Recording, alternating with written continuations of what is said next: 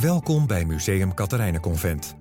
U gaat luisteren naar een lezing bij de tentoonstelling Body Language, het lichaam in de middeleeuwse kunst. Deze lezingen worden u aangeboden door de vrienden van het museum. U gaat nu luisteren naar Borst is best door Wendelien van Wely, docent middeleeuwse kunstgeschiedenis aan de Universiteit van Amsterdam en gastconservator van de tentoonstelling. Dames en heren, hartelijk welkom. Uh, ik heb dus inderdaad gekozen voor de titel Borst is best. En dat is natuurlijk eigenlijk een hele, ja, beetje klungelige vertaling van Breast is best. En dat bekt natuurlijk veel lekkerder. Maar goed, het heette al Body Language. En om dan zo'n zo lezing ook weer zo'n Engelse titel mee te geven. Dus ik dacht, ik vertaal hem, Borst is best. En wat ik u vandaag wil laten zien is dat de borst, en met name de borst van Maria, dat dat inderdaad het beste is wat je als middeleeuwer kan overkomen. En misschien ook wel nu. En wat u hier ziet is een detail van de borst van Maria. En uh, deze borst uh, is ook het campagnebeeld. Uh, op alle grote posters hè, door de stad heen wordt die gebruikt. Op alle foldertjes staat hij. Op, op, de uitnodiging voor de opening van de tentoonstelling stond hij. Dus een belangrijk detail. En het is een detail, ik weet niet wie de tentoonstelling al gezien heeft, dus misschien herkent u hem. Het is een detail van dit, waar Maria naast haar zoon Jezus staat. En dit maakt weer onderdeel uit van een nog groter geheel. Maar voordat we daar naartoe gaan, wil ik u er even op wijzen hoe moeder en zoon eigenlijk hetzelfde aan het doen zijn. U ziet dat Maria dus haar borst steunt, haar rechterborst steunt met haar hand. En ze heeft haar tepel tussen haar vingers en daar knijpt ze in. En er komt een straal melk uit, zoals u dat ziet. Een soort van kolven eigenlijk. En naast haar, Christus, doet eigenlijk precies hetzelfde. Alleen dat doet hij met zijn zijdewond. U weet, Christus had vijf, meerdere wonden, maar zeg maar de vijf belangrijkste. De hoofdwonden, dat zijn de wonden aan het kruis door de spijkers in de handen en de voeten. En door de lans die in zijn zijde is gestoken. En waardoor er een grote wond ontstaat. En u ziet hetzelfde gebaar als wat zijn moeder doet. Dat herhaalt hij ook met zijn rechterhand onder die wond. Hij duwt er een beetje tegen. En, hij heeft hem ook tussen twee vingers eigenlijk in. En hij knijpt ook in die wond. En daar komt ook een straal uit, een straal bloed. En uh, we hebben hier met een hele goede kunstenaar te maken, want die laat die stralen ook heel mooi zo parallel aan elkaar lopen. En ik zei u al, het is onderdeel van een veel groter geheel. En dat heeft u misschien al gezien uh, als u al op de tentoonstelling bent geweest. Het is het eindstuk, het slotstuk van de tentoonstelling, een drieluik. En uh, het is een heel ongewoon drieluik. En we laten het u ook in een heel ongewoon geheel zien. Normaliter staan drie luiken open. Die tenminste, als u ze in musea ziet. Dan ziet u inderdaad hè, eh, eh, het grote middenstuk. En dan zitten er twee van die vleugels aan de zijkant aan. En, die, u ziet hem dan in opengeklapte toestand. Dus u ziet drie delen. En meestal ziet u daar een kruisiging. Uh, dergelijke triptieken, drieluiken, die zijn bedoeld voor boven het altaar. En de afbeeldingen op zo'n drieluik die zijn ook bedoeld om, ja, als het ware, mee te doen, om, om te memoreren. En ook zeg maar, aan te sluiten bij de handelingen die aan een altaar verricht worden. En ja, aan het altaar wordt, wordt onder andere natuurlijk de Eucharistie gevierd. Hè, dus het, brood en uh, de wijn uh, die dan veranderen na gebeden in het lichaam en het bloed van Christus. En die dan uitgedeeld worden aan de gelovigen, die dan ter communie gaan. Nou, daar heeft zeg maar meestal de afbeelding die op zo'n uh, drieluik staat. En met name zeg maar het grote middendeel. Hè, dat is de, de, de, het belangrijkste deel eigenlijk van het drieluik. Dat is eigenlijk altijd staat dat in verband met wat er dus aan gebeurt. En ja, waarom kunnen wij uh, brood en wijn? Waarom wordt dat uh, het lichaam en het bloed van Christus? Dat refereert natuurlijk aan de kruisdood van Christus. Dus meestal zie je een kruisiging. Er zijn ook andere scènes, maar goed, daar gaat het vandaag niet over. Dat vertel ik u wel weer een andere keer. Um, normaal wij zien wij dat dus in hun mooiste toestand. Maar in de middeleeuwen was dat eigenlijk helemaal niet de bedoeling. In de middeleeuwen was dat eigenlijk de bedoeling dat zeg maar, zo'n drieluik open stond op grote feestdagen. Dus mensen zagen dat eigenlijk helemaal niet eens zo vaak. Wat mensen meestal zagen, is wat wij dus eigenlijk nooit meer zien in die musea, namelijk zo'n drieluik in gesloten toestand. Dan zijn de luikjes dus dicht. En dat is wat u hier ziet. Dus wat wij nu doen, is eigenlijk iets heel ongewoons aan u presenteren. Normaal zou u het drieluik van binnen hebben gezien, nu ziet u het drieluik aan de buitenkant. En het grappige is dat die, buitenzijde, daar werd de gelovige natuurlijk veel vaker mee geconfronteerd. En daar staat vaak ook een boodschap op, die natuurlijk ook een beetje samenhangt met wat er aan dat altaar gebeurt, maar die veel breder is. De, de gelovige die daar langskomt, die wordt geconfronteerd met een boodschap die, die, die hem verder kan helpen in zijn leven, in zijn twijfels en dergelijke dingen. En dat hoeft niet per se aan die Eucharistieviering, die communie, verbonden te zijn. Nou, wat zien wij? Wij zien dus inderdaad Maria en Christus naast elkaar staan. Hè, met die hoogst merkwaardige handelingen die ze dus doen. Hè, dat zij in haar borst knijpt en melk tevoorschijn laat komen. En hij in zijn wond knijpt en ook daar bloed uit laat komen. En dan zien we dat die twee, wat ik u net liet zien, hè, die vloeistoffen, die boogjes daarvan, die lopen zeg maar zo mooi samen. En die komen dan op het andere deel van dat luik uit. En dat kunt u hier mooi zien. Die komen uit terecht in een soort grote fontein die u hier ziet staan. En die fontein die wordt dus gevuld met die vloeistof, die mengeling van melk en bloed. En u ziet dat er om die fontein ook allemaal eh, engeltjes, ik zal hem wat groter maken. U ziet dat die eh, fontein dus helemaal omgeven wordt door engeltjes die er bijna nerveus omheen vliegen. En die dus allemaal kelkjes in hun handen hebben en druk bezig zijn om die vloeistof uit die fontein te tappen. Eh, en daar heb ik ook nog een heel fijn detail van. Kijk nou toch. Hoe, dat in zo'n kelkje terechtkomt. En dat wordt dus afgetapt. En wat doen ze dan uiteindelijk met dat spul? Dat gieten ze over gelovigen heen, die helemaal onderaan rechts uh, te zien zijn. In een soort kerf, scheur in de aarde, waar ze dan met wanhopige gezichten uitkijken. En de goede toeschouwer ziet ook dat ze omgeven zijn door allerlei vlammen. Waar we naar kijken is een verbeelding van het vagevuur. Gelovige zielen, mensen die overleden zijn, die aan het wachten zijn ja, op dat laatste oordeel. En in die periode daarnaartoe al aan het louteren zijn, al aan het boeten zijn voor de zonden die ze in hun leven zijn, hebben begaan. En dat was iets, dat kunnen we ons nu niet meer voorstellen, maar dat was iets waar de middeleeuwen heel erg mee bezig was. En ook heel erg bang voor was. Waar heel erg voor gebeden werd, waar men dus uh, aflaten verkocht. Want een aflaat zou jouw verblijf in dat vagevuur verkorten. Kortom, dat was iets wat de mensen in de middeleeuwen bezighield. En men maakte zich zorgen daarom. Hoe lang zit ik in dat vagevuur? Hoe erg zal dat zijn? En eigenlijk was iedereen op zoek naar iets om te zorgen dat dat verblijf in dat vagevuur verkort wordt. Um, even kijken. Ik haal hem daar. Oh nee. Ja, dat kan wel. Dus wat wij hier zien zijn mensen in het vagevuur. En over die mensen heen wordt dus een mengsel uitgegoten van bloed en melk. En ja, de boodschap is eigenlijk dat dat deze mensen redt.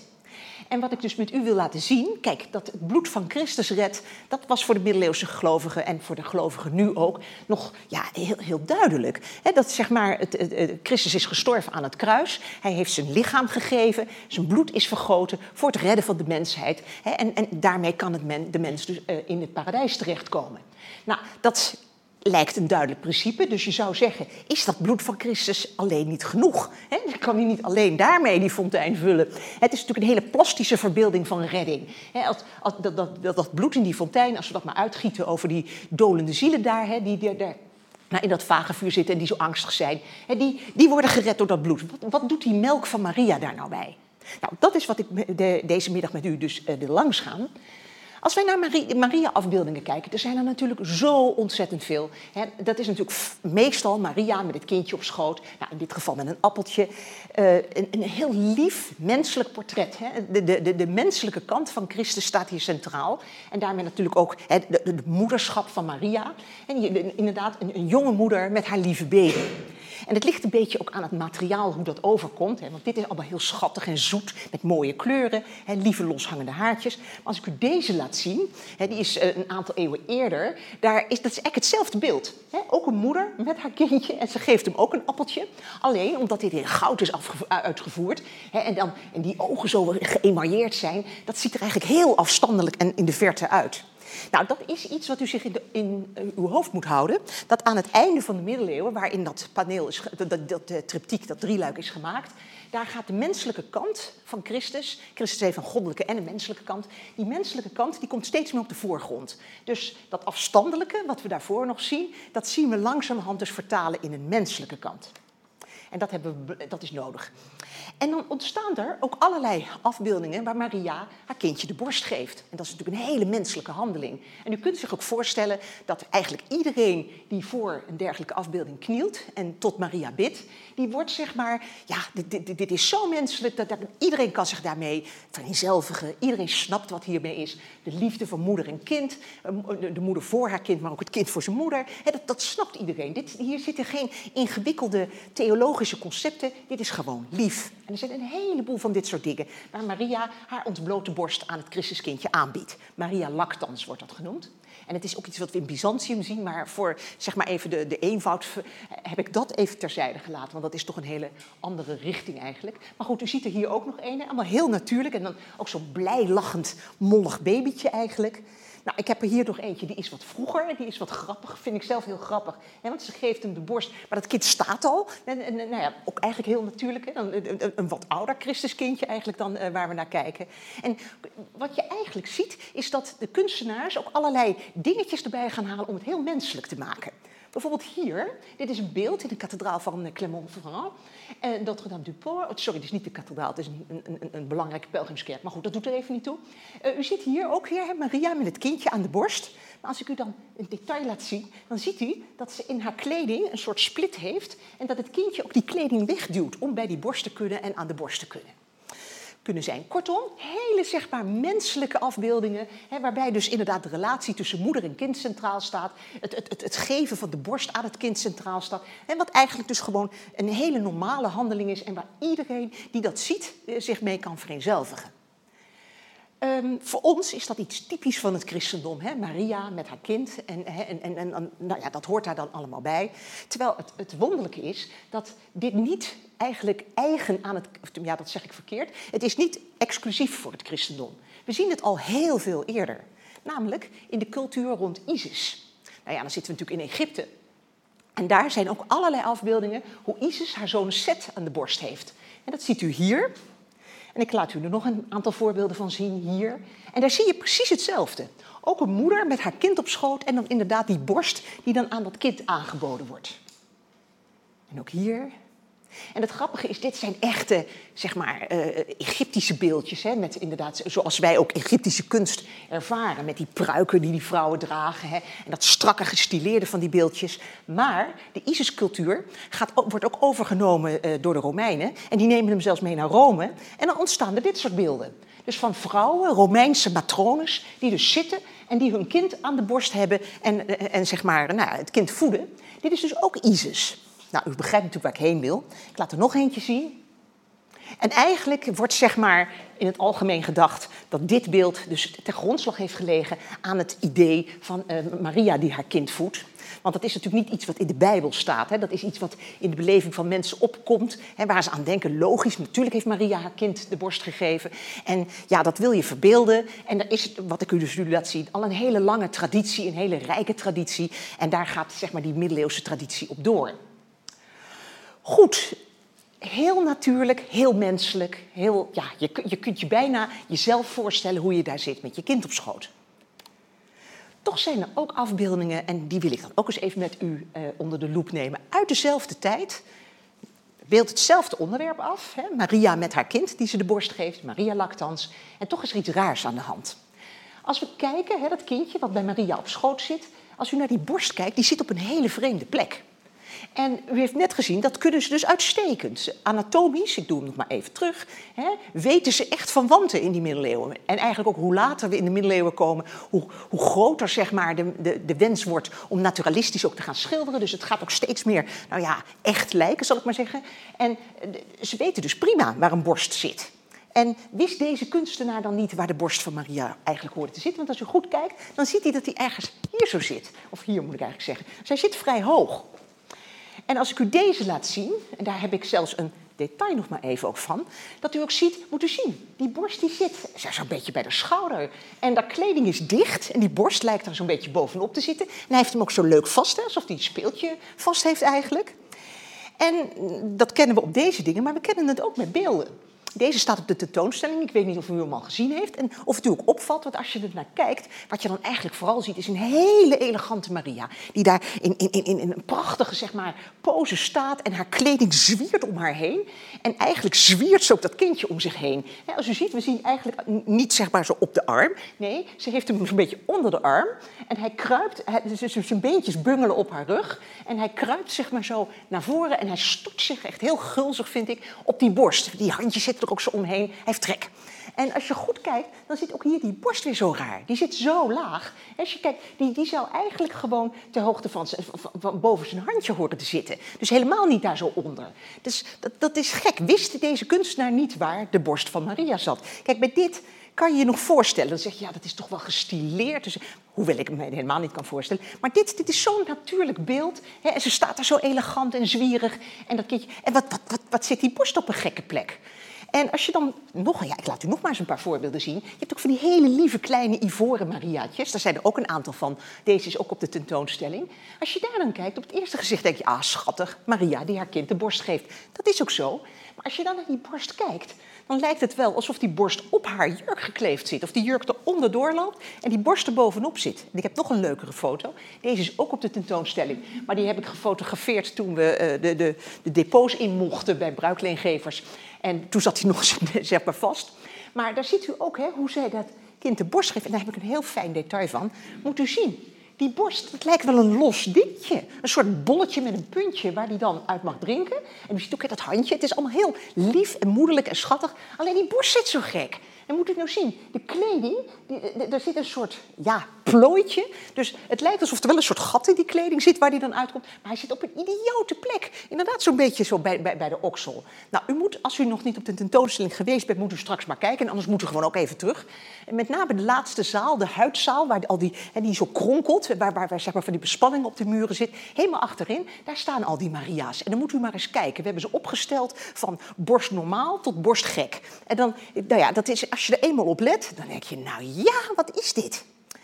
Goed, wat ik met, nu, met u wil bekijken is waar komt dit door? Waarom zit die borst op zo'n gekke plek? En wat ik wil betogen is dat waar we hiermee te maken hebben, is eigenlijk het deseksualiseren van de borst van Maria.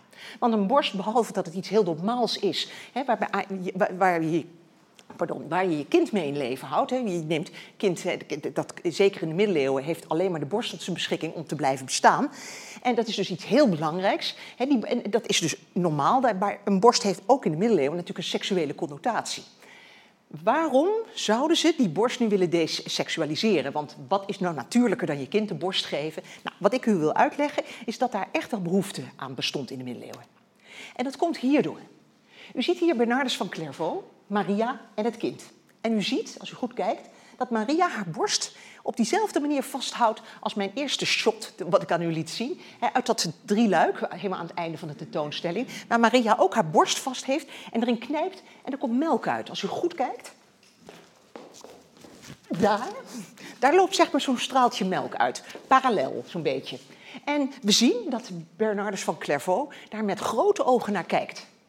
Bernardus van Clairvaux was een hele belangrijke geestelijke, een abt. En hij was enorm bezig met denken over. Hij, hij, dacht over van alles. Hij heeft kloosters hervormd, was een heel belangrijk iemand. Maar een van zijn passies, dat was de verering van Maria. Hij heeft echt uh, hij is een van de mensen die de verering van Maria echt op de kaart heeft gezet. Een enorme boost heeft gegeven.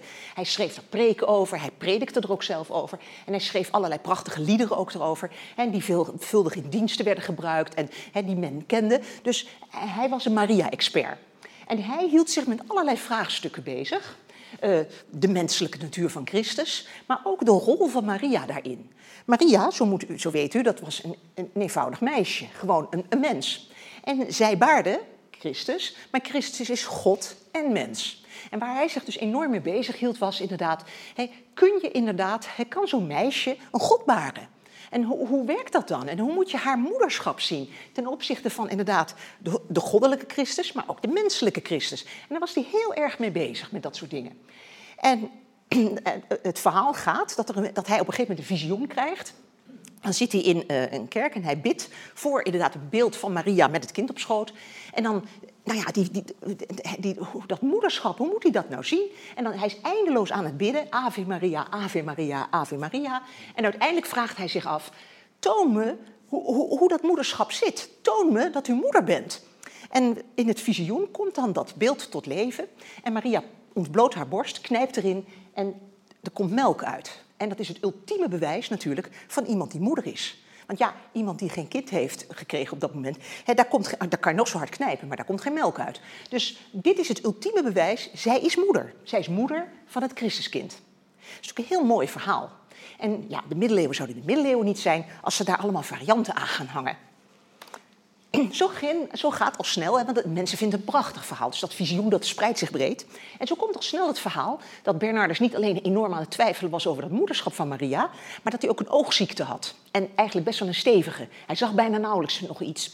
En uh, dan tijdens zeg maar, dat hij zegt, tonen dat u moeder bent, knijpt Maria in de borst. Maar dit melk verspreidt zich niet in de ruimte. Nee, ze richt hem op zijn ogen, zoals u hier kunt zien.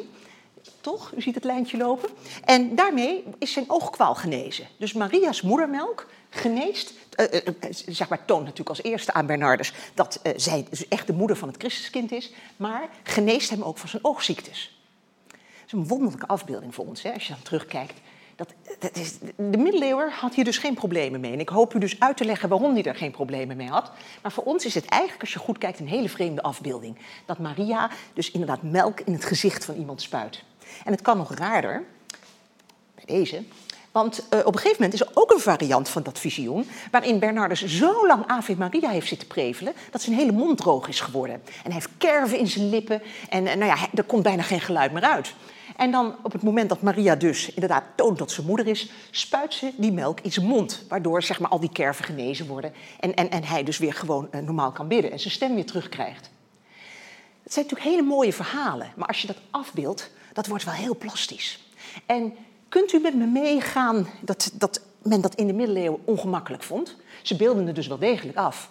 Maar dat dat iets heeft, hè, dat je een, een, knielende monnik, vaak een al wat oudere man, en dan zo'n jong meisje, Maria, ik bedoel, de, de moeder van, van, van, van Christus. Van, en, en, en, en ja, dat, dat, dat, al zo, hè, dat die borst, dat daar dan zo'n melk uitkomt. Nou ja, dat is iets heel natuurlijks. Maar dat je dat dan in het gezicht van iemand gaat spuiten en zo. Voelt u de ongemakkelijkheid? Um, oh ja, dit had ik er nog even bij gedaan. Want het leuke is, dit is een miniatuur bij een gebed wat gaat over Maria. Wees goed Maria. Uh, en dan Mater Misericordia. En, en, en, en ja, inderdaad, he, het, het, gaat erom het medelijden met mij en dergelijke. En daar past dit natuurlijk heel erg mooi bij. Maar goed, dit is dus iets wat in de middeleeuwen heel wijd verspreid is. U zult het aantal van deze afbeeldingen ook... We hebben er ook een flink aantal hangen boven ook op de tentoonstelling. En kijkt u maar even naar de manier waar de melk terechtkomt. Dan ziet u dat alle varianten uit het visioen dus eh, vertegenwoordigd zijn. Maar het loopt ook nog heel lang door. Ik laat u deze even zien, die is uit de 17e eeuw. En dan krijg je dit soort afbeeldingen, waar Maria dus het kind aan de borst heeft, maar ook Bernardus tegen haar borst aandrukt. Hij, hij, hij, is niet aan de borst, maar het is wel bijna. En u voelt het ongemakkelijke van deze afbeelding. Het is niet zo bedoeld, maar je, je krijgt er toch een soort ongemakkelijk gevoel bij.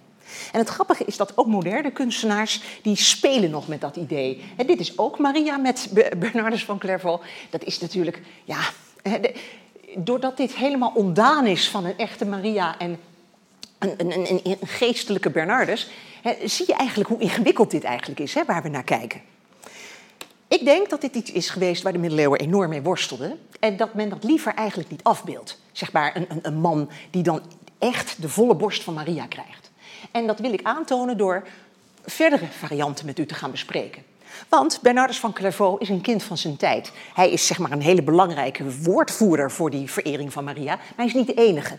Je hebt heel veel andere geestelijken die zich daar ook mee bezighouden. En sommigen schrijven ook allerlei liederen. En een daarvan is Gauthier de Quincy. En uh, ook hij in, in een klooster schrijft allerlei Maria-liederen. En hij verzamelt ook allerlei wonderen die over Maria de rond te doen. En daar maakt hij zeg maar een, een, een bundel van. Miracles de Notre-Dame, dus de wonderen van onze lieve vrouwen. En um, nou, dat wordt een heel populair werk. En daar staan allerlei verhalen in. U moet zich eigenlijk bij voorstellen, iemand is in nood, heeft iets verschrikkelijk doms gedaan. En uh, nou ja, denkt, ik, dit is uitzichtloos, hier kom ik nooit meer uit. En dan verschijnt Maria ten tonele en die maakt het allemaal weer goed. Al die verhalen zeg maar, in deze mirakelbundel, die gaan daarover. Ik laat u een handschrift zien. Het was dus heel populair en het werd dus ook heel veel verlucht, hè, met heel veel miniaturen erbij. En veel miniaturen algemeen, zal ik maar zeggen, maar ook miniaturen die heel dicht bij zeg maar, het wonder waar Maria dan interveneert uh, horen.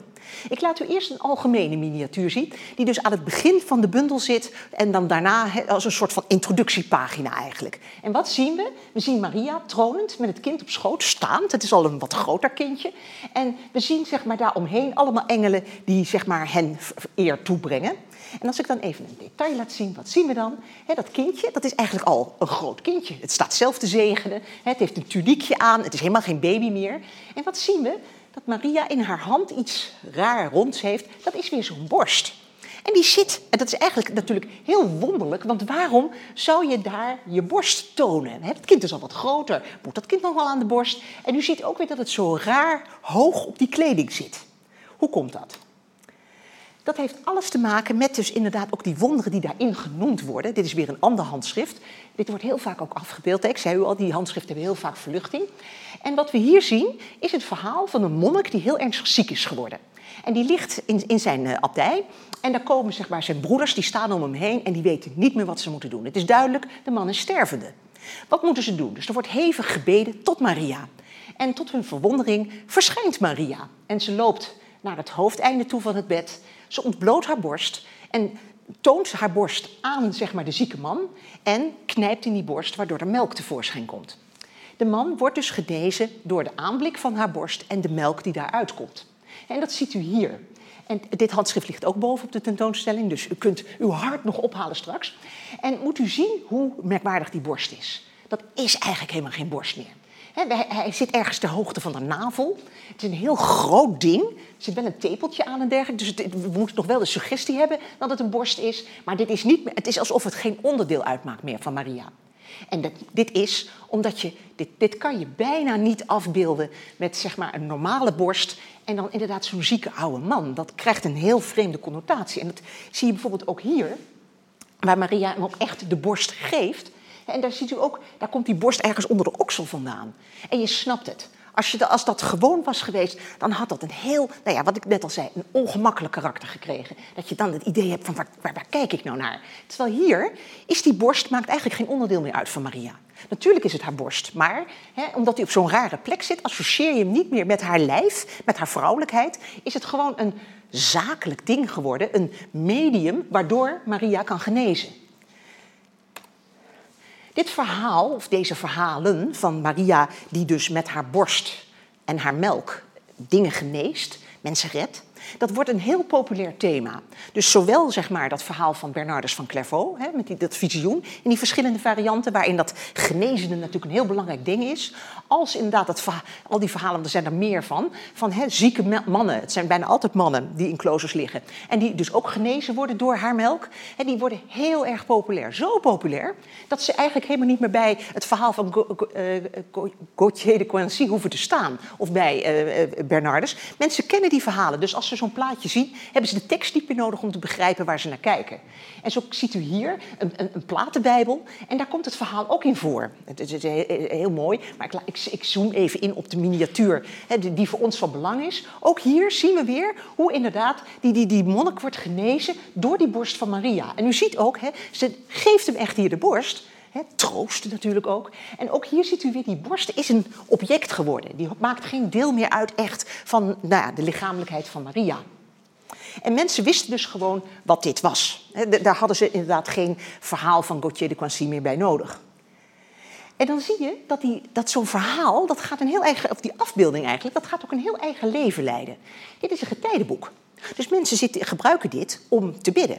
En dan zit er onderin de marge, dus dat is eigenlijk, dat doet er niet meer toe. Dat zijn leuke scènes die niets te maken hebben met de tekst waarop men contempleert en mediteert en, en, en, gebruikt om te bidden. Daar zitten dus hele aardige scènes die je ook zeg maar, op ideeën moeten brengen. En een van die vele scènes die we dus onderaan in de marge van dat handschrift tegenkomen, dat is weer zo'n genezingswonder. En ditmaal is ook echt de, de ziekte van de monnik enorm aangezet, hè? lepra. Dus u ziet hem, hij is helemaal bedekt met zweren. En ook hier staat Maria weer. En ook hier zit die borst, ja, die zit nu zo'n beetje hier in het midden, hè, hoe ze hem vasthoudt.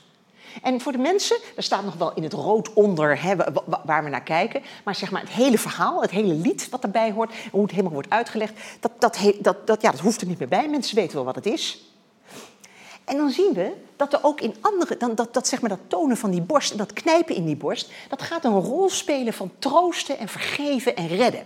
Want wat u hier ziet, is helemaal geen zieke monnik. Dit is gewoon een verschrikkelijke zondaar die allerlei vreselijke dingen had gedaan. Waarover een andere keer meer. Maar goed, deze man, Theophilus, die uiteindelijk bidt hij om vergeving bij Maria. En wat doet Maria? Ze zegt in het verhaal, al je zonden zijn vergeven door je geloof in mij. Hoe verbeelde men dat? Deze man knielend, wanhopig, armen uitgestrekt. En dat die Maria, die dus weer haar borst laat zien en daarin knijpt. U ziet dat die borst en die melk, dat is dus niet alleen meer genezing geworden, maar ook nog redding en vergeving. Dus die borst, dat, dat wordt steeds meer. Parallel hieraan loopt de verering voor de melk van Maria. Uh, in de middeleeuwen willen ze van alles graag tastbare bewijzen hebben. Dus wat we zien is dat op een gegeven moment pelgrims die naar Bethlehem trekken, die bezoeken daar natuurlijk de geboortegrot, maar die bezoeken ook de melkgrot die daar zou zijn. En dat is een grot met ja, kalkachtige substanties daarin. En u voelt het al als daar zeg maar uh, vocht is geweest hè, door, door condens. Uh, mengt zich dat met die kalkachtige substantie en dan komen er witte druppels langs de muur. En u snapt natuurlijk al dat dat in de volksbeleving al heel snel wordt geassocieerd met de melk van Maria. En onmiddellijk trekken daar vele pelgrims naartoe hè, om die melk te vereren, maar ook om zeg maar, ampullen te vullen met die melk en die mee te nemen naar het westen, mee naar huis. Dus er komt een hele verering op gang van de melk van Maria. En dus ook op pelgrims die daar naartoe willen en dergelijke. En nou ja, het is in de middeleeuwen ook zo'n normalig iets eigenlijk om een reliek met melk te hebben. Ik laat u hier een afbeelding zien van relieken die Lodewijk de Heilige heeft gekocht van eh, Constantinopel. En daar zitten allerlei bijzondere relieken in. En eigenlijk kennen wij daar nu nog maar eentje echt goed, namelijk de doornenkroon. Die heeft hij toen gekocht. Maar hij kocht niet alleen een doornenkroon, hij kocht een gigantische collectie van relieken die allemaal samenhingen met Christus en met Maria en zeg maar de belangrijke figuren daaromheen. zo zitten er winsels bij van Christus, eh, baardharen en dergelijke. En ook melk van Maria, dat weten we uit een inventarislijst die daarbij zat. Dus kortom, wat ik u heb willen laten zien tot nu toe, is dus dat zeg maar, die melk van Maria, dat dat een, een, een, hele eigen leven dus gaat leiden. En dat mensen zich daarop gaan focussen, dat melk gaat genezen, dat melk een bewijs is voor iets, dat melk je redt. En dat er inderdaad mensen dus dat ook daadwerkelijk die melk gaan opzoeken in Bethlehem. En dat ook weer in reliekvorm mee naar het westen nemen. Er is dus een hele cultus rond de melk van de maagd Maria. Tegelijkertijd zitten we in een samenleving waarin, wat ik u al eerder natuurlijk zei, borstvoeding iets heel normaals is. Borstvoeding is, ja, dat, wat ik u al zei, een kind blijft niet in leven als het niet de borst krijgt. En het grappige is dat, ik laat u hier een, schilder, een schilderij zien van uh, Lucas Kranach. En dat gaat over, laat de kinderen tot mij komen. Dat Christus alle kinderen naar zich toe haalt. Dat gaat helemaal niet over de melk van Maria of wat dan ook. Maar wat zien we? We zien dus allemaal kindertjes bij Christus gebracht worden. En we zien dat een aantal van die kindertjes de borst krijgen. Zo normaal was dat. Dat Lucas Kranach dus uh, de, de, de, in, in zoiets dus ook voedende moeders afbeeldt. Dat was onderdeel van het straatbeeld, van, van, van, van de beleving van de mensen in die middeleeuwen. Dus met andere woorden, uh, aan de ene kant heb je dus die enorme verering van Maria en haar melk en de borst en uh, alles wat eromheen is, wat ik u heb laten zien. En dat past in een samenleving waar iedereen dat kind de borst geeft. En dat ik u natuurlijk ook al in het begin, hè, met gewoon de normale afbeeldingen van Maria met het kind aan de borst. Dat, je daar, dat, dat iedereen kon zich daarmee identificeren, want het was zo normaal. Het was zelfs zo normaal dat we traktaten hebben uit de middeleeuwen die gaan over uh, mensen die een min zoeken voor hun kind. De, de, de, vrouwen, met name de adel, die vonden het niet zo chic om hun kind de borst te geven. Maar goed, ook als zeg maar, de moeder was overleden, dan moest er een surrogaatmoeder gezocht worden. En armere vrouwen die konden geld bijverdienen door dus hun moedermelk ter beschikking te stellen aan zo'n kindje wat dus geen moeder meer had of waarvan de moeder het niet chic genoeg vond om het kind te voeden. En uh, daar zijn dus verhandelingen over geschreven.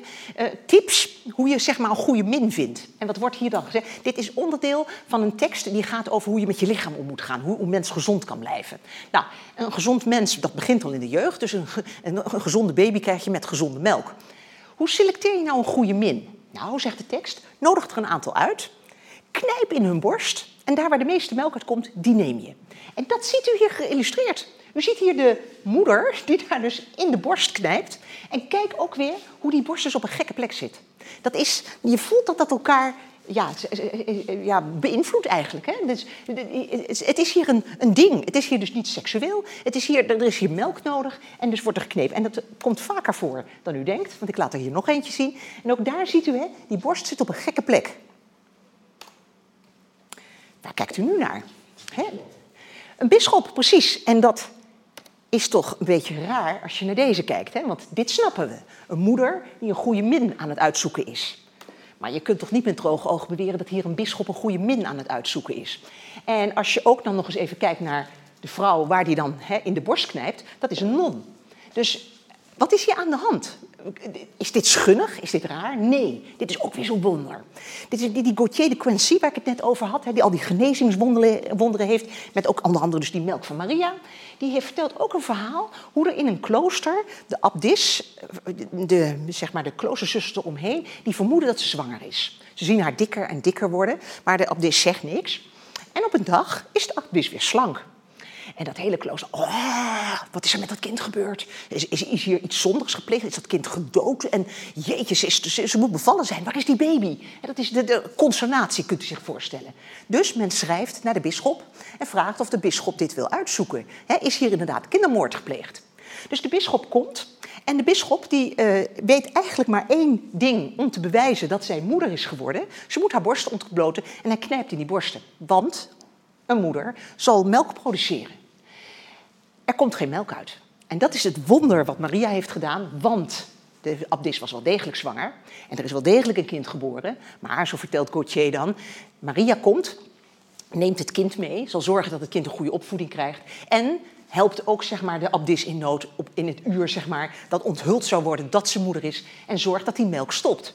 En ik vind dat zo'n mooi iets. Hè, dat je dus aan de ene kant heb je dus uh, Maria die, die dus melk geeft en, en nou ja, alles daaromheen. En aan de andere kant kan ze die melk ook stoppen hè, in die wonderen. En nou, dat past dus allemaal, ik laat u hier even het hele geheel zien zeg maar, van, de, van de scène. Dat past dus allemaal eigenlijk hè, in, dat, in die maatschappij waar die melk van Maria en ook Maria zelf natuurlijk zo'n belangrijke rol speelde. Goed, ik wil met u door naar een volgende fase in mijn betoog. We hebben dus gezien dat melk kan, uh, twijfels kan wegnemen, uh, zeg maar duidelijkheid kan scheppen, dat melk kan genezen en dat melk kan redden. En het tonen van die borst kan redden. Dus dat zijn natuurlijk hele positieve eigenschappen. En met name op dat aspect van redden, dat zeg maar Maria's borst redt, daar zou ik nu met u willen ingaan. Wat ik u laat zien is een afbeelding van het laatste oordeel in een getijdenboek. En u ziet hè, dat het idee is, Christus zal wederkomen en hij zit op de regenboog. En u ziet daar, hij heeft een zwaard en een palmtak in zijn hand. Doet er verder even niet toe. Waar u wel even op moet letten is dat dit de vrezen Christus is. Dus u ziet hè, met inderdaad die wond. En daar loopt ook allerlei bloed uit natuurlijk. Dat doet ons natuurlijk heel sterk denken aan het beginbeeld wat ik u heb laten zien.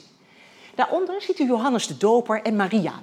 En dat is in de middeleeuwen wordt dat een idee, dat, zo ontwikkelt men dat zich, dat men denkt als dan dat laatste oordeel gaat plaatsvinden, dat is natuurlijk ook iets waar men zo bang voor is. Hè. Eerst zit je in dat vage vuur, dat is al helemaal niks. Maar dan gaat dat laatste oordeel plaatsvinden en dan moet je dus uit je graf komen.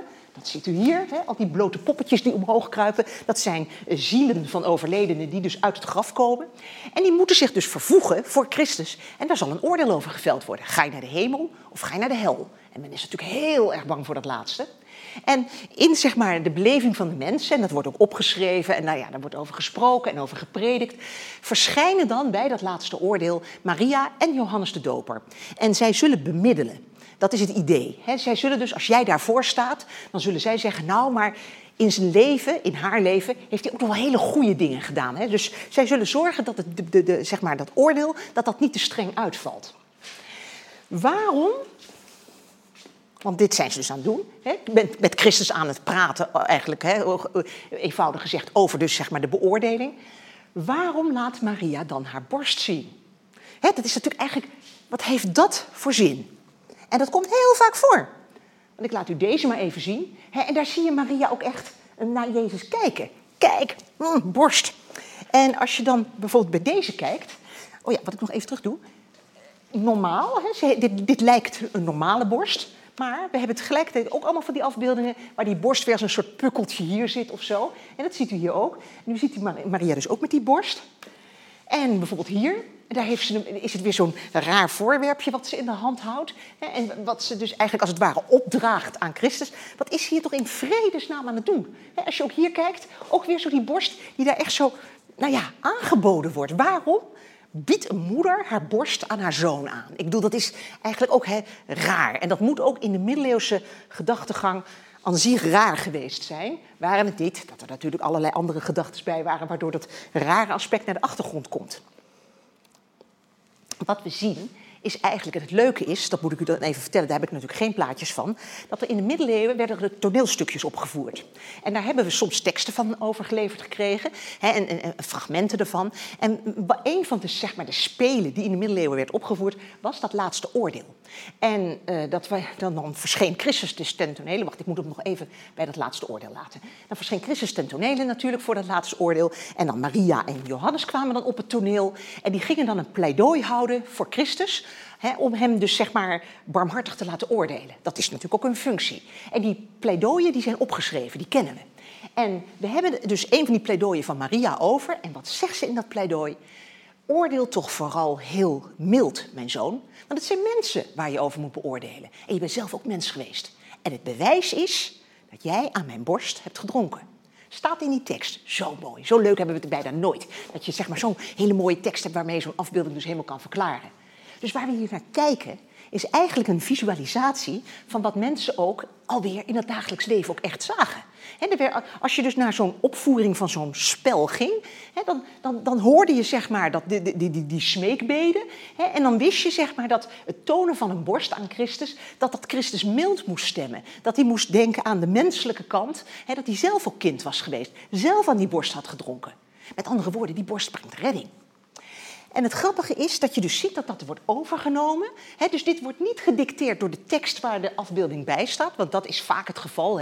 Als je een plaatje hebt bij een tekst, dan worden vaak zeg maar, elementen uit die tekst gehaald en die komen in het plaatje terug. Nee, dit is wat we hier zien is een visualisatie van een praktijk die wijd verspreid was. De borst van Maria redt en de borst van Maria geneest. En als je het dan ook nog eens kunt koppelen aan inderdaad dit soort spelen, dit soort toneelspelen, dit waren dingen waar mensen vertrouwd mee waren.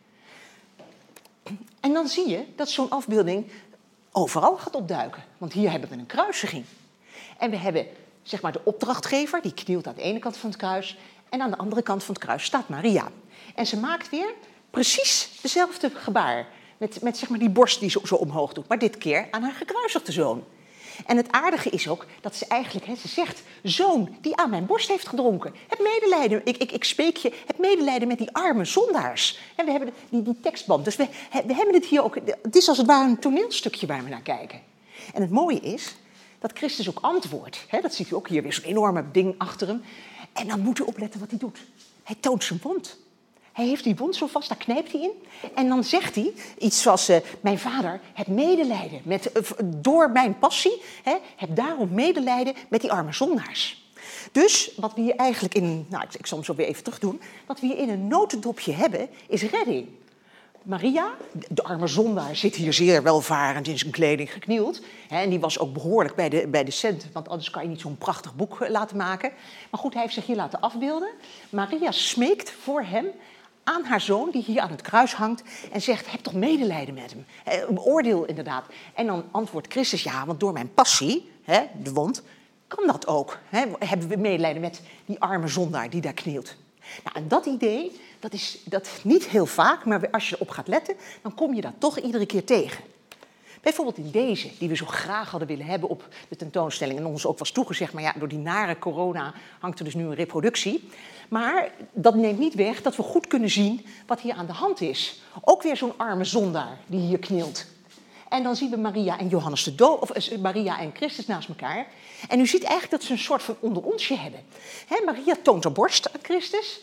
Christus wijst op zijn wond. En u ziet dat helemaal bovenin ook God de Vader komt. En die tekstbanden, dat is weer zo'n onder onsje. Het medelijden, hè, zoals je aan mijn borst hebt gezogen. Wees menselijk in je oordeel. Vader, zorg dat zeg maar, deze arme zondaar gered wordt vanwege mijn passie. En God die dan antwoordt, dat gaan we doen. Ik bedoel, dus het komt allemaal heel goed uit. En het grappige is, dat kom je dan toch weer de hele tijd uit. Niet vaak, maar je komt het tegen. En ik wilde, vlak voordat ik dan weer terugkeer naar dat triptiek waarmee we zijn begonnen, wil ik dan dus deze afbeelding ook laten zien. Die hoort ook in dat geheel. Dit is ook weer, ja, laatste oordeelachtig. We zien Maria in de eerste instantie staan. Twee ontblote borsten. En ze zelf knijpt in een borst. En dat Christuskindje knijpt ook nog eens in zo'n borst. En het kijkt ons ook aan. Hè? Dit doe ik voor jullie, wil die blik zeggen. En wat gebeurt er met die melk? U ziet het in druppels. Die spat op een man en een vrouw die ook weer uit dat vage vuur omhoog komen. Dit zijn weer zieltjes die wachten hè, totdat ze geoordeeld gaan worden. En die, die, die, een, nare tijd in dat vage vuur. En dat wordt als het ware verkort, verzacht, doordat Maria met haar melk troost en redt. Kom ik weer uit bij inderdaad eh, ons triptiek. In gesloten toestand. Wat we hier dus zien is dat natuurlijk het bloed van Christus, dat, dat staat als een paal boven water, dat staat zeg maar als op nummer één. Het bloed van Christus, dat redt. Dat is vergoten ter vergeving van de zonde van de mensheid. En dat bloed redt. Dus ook mensen die in het vagevuur zitten, hoe je dat ook wil vormgeven, het idee dat als jij goed leeft en je gaat ter communie en je bent een goed christen, dan is de kans dat jij later zeg maar, bij dat laatste oordeel goed beoordeeld gaat worden, die is aanwezig. Het bloed van Christus kan het dus al alleen af. Maar omdat er zo'n hele cult ontstaat in die middeleeuwen rond die melk van Maria, zoals ik u heb laten zien. en de mensen natuurlijk enorm zeg maar, ja, daarmee bezig zijn. En je zou je zelfs kunnen afvragen of het niet toegankelijker voor mensen was. Want zeg maar, het bloed van Christus, dat is toch, ja, daar kan je je niet, dat is niet iets wat je in het dagelijks leven bij jezelf ook. Natuurlijk ieder mens bloed, maar zeg maar, je eigen bloed, daar word je niet elke dag mee geconfronteerd. Terwijl die moedermelk van Maria, A, is dat natuurlijk heel menselijk, hè, wat ik nu natuurlijk met u heb proberen duidelijk te maken. Maar het is dus ook, je ziet het om je heen, het is zo gewoon. En dat is iets waar de mensen zich misschien nog wel net wat beter mee kunnen uh, ja, associëren en het, het, het, kunnen begrijpen dan inderdaad zeg maar, dat bloed van Christus. En ja, die twee vloeistoffen bij elkaar, dus zeg maar het bloed van Christus wat vergroot is voor de, ter vergeving van de zonde van de mensheid, plus inderdaad die melk van Maria, die niet alleen voedt, maar dus ook geneest, twijfels wegneemt en redt. Ja, dat is zo'n krachtige combinatie bij elkaar. Als je dat bij elkaar voegt. En als dat zeg maar ja, toegankelijk wordt voor mensen die hun lot aan het afwachten zijn. Ik bedoel, een, een betere redding is er eigenlijk gewoon niet.